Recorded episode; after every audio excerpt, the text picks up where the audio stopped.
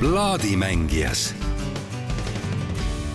oleme Psühhotegi plaadipoes ja Ahto Külvet võtab meid siin taas kenasti vastu. tere, Ahto! tere ja tore, et saite tulla ja ma saan midagi väga erilist teile täna tutvustada.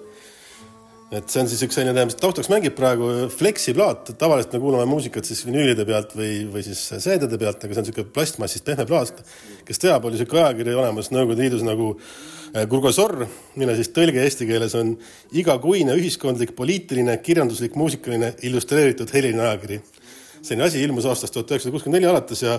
kuuekümne seitsmenda aasta septembrikuu numbris on seal vahel plaat, millel Paul Keres aitab lahendada malaülesannet ja taustaks mängib džäss, taustaks mängib Aarne Vahuri orkester ehk siis põhimõtteliselt kollaaž enne, kui naised laulma tulid. et selline täiesti pöörane plaat, mul tuli meelde see, kui nüüd see Paul Kerese teema, see male teema on nagu üleval, et selline huvitav nagu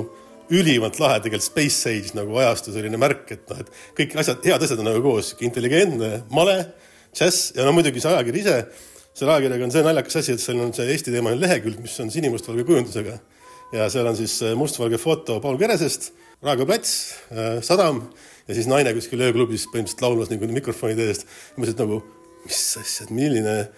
paradiis või mis koht see Eesti oli, kui sa seda plaati nagu kuulasid, seda lugesid seda nagu juurde seda lehte, seal on nagu mane suurmeister, kes siis, need äh, eestlased teevadki seda selliseid plaate, kus nad lahendavad mane ülesandeid ja kuulavad džässi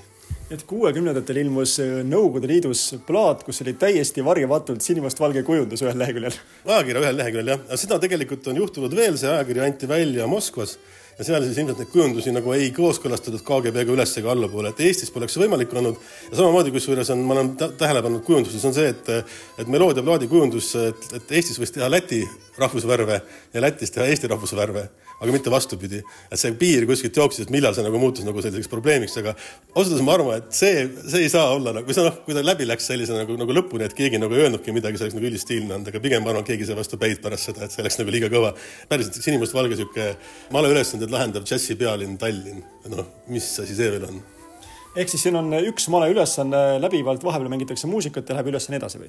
jah, jah, siin on üks male ülesanne, mis on selle muidugi ajakirjas kaasas, nii et sa saad seda lahendada ka noh, mitte ainult seda kuulates. ja siis, kui seda ära ei suuda lahendada, siis tuleb Paul Keres ja siis räägib niisuguse elegantse aktsendiga vene keeles, kuidas see male ülesanne siis õieti ära lahendada. ja see on niisugune üllatav lahendus ka veel. muuseas, selle teema vist oligi algselt ka male ja male ja muusika vist, et kas, kuidas muusika on aidanud sinu maleülesannet lahendada, siis Paul Keres põhimõtteliselt vastas, et ei ole, aga ja siis mindi selle maleülesande juurde edasi kui sa enne mulle näitasid seda ajakirja, mina pidasin seda plaadikataloogiks, aga tegelikult ongi nii, et sa lappad, siin on infot, siin on päriselt needsamad pehmed fleksiplaadid ka vahel. kui palju taolisi katalooge erinevaid, temaatiliselt erinevaid ilmus tol ajal? Äh, see konkreetne on ajakiri Kurgosor, mis ongi tegelikult, äh, tuligi välja äh, regulaarselt, et korra kuus. et aastast tuhat üheksasada kuuskümmend neli kuni vist üheksakümne teise aastani. ja kui seal lõpus olid veel ajakirjad, kus oli kaasas kassetid, mitte enam need fleksid nagu muusikaga.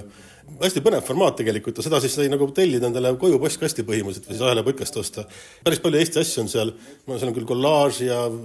Anne Veskit ja üks ka kuuekümne seitsmenda aasta plaat on Arvo Pärdi ühe väga raju looga, et seda ma küll ei kujuta ette, kuidas seal kolhoosis laua ääres kuulati, aga noh, igatahes põnev igal juhul. et see oli jah, selline hästi huvitav formaat ja seal on ajakirja vahel on siis äh, seitsmetollise vinüülplaadi mõõdus pehmed fleksi plast, nagu plastikust plaadid, need on kuus tükki ja siis äh, alati siis kaks viimast numbrit olid nagu muusikaga seal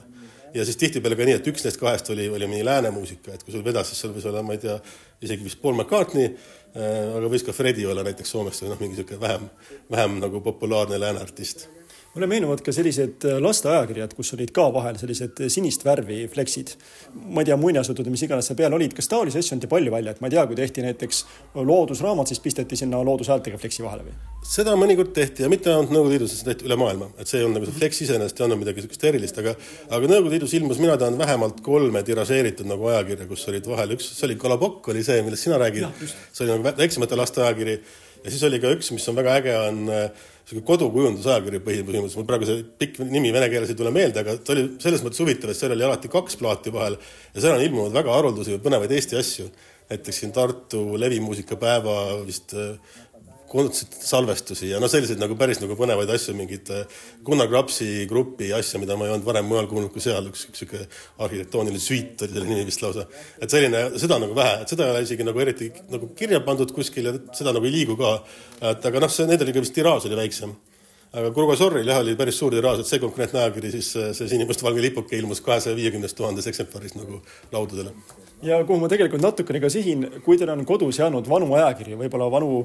plaate, vanemad vanasid on jätnud võib-olla taolisi asju, te ei usu, mis seal vahel võib olla, lapake läbi, seal teinekord võib olla mõningaid selliseid rariteetseid asju, mida te isegi ei tea, et teil kodus on. no see konkreetne asi on isegi vist suht nagu mingis mõttes rariteet, et te teadagi, et see olemas on. et see on, see on see, mis mulle siin psühhoteegis nagu tegelikult kõige rohkem meeldib, ongi see plaadidetektiivi töö nagu siin, et sa justkui avastad mingi asja ja, ja kuidas ta muutub nagu järjest nagu olulisemaks eri võtmetes, noh. võtame ansambli Kollaar, selle muusika, võtame Paul Kerese, selle Maledbuumi, eks ju, et ta kogu aeg järjest läheb huvitavamaks ja põnevamaks ja muutub nagu, et sama, ma arvan, kõikide nende ajakirjanumbrite vahel võib olla midagi sellist et jah, loomulikult ärge ärge ära visata, kui läbi vaatate. ja andke meile teada ka, praegu saab teha täitsa väikese üleskutsega siis sulle või meile Elmarisse teada anda, kui midagi taolist on ja otsime üles ja kuulame. no vaatab jah, just aitäh. raadio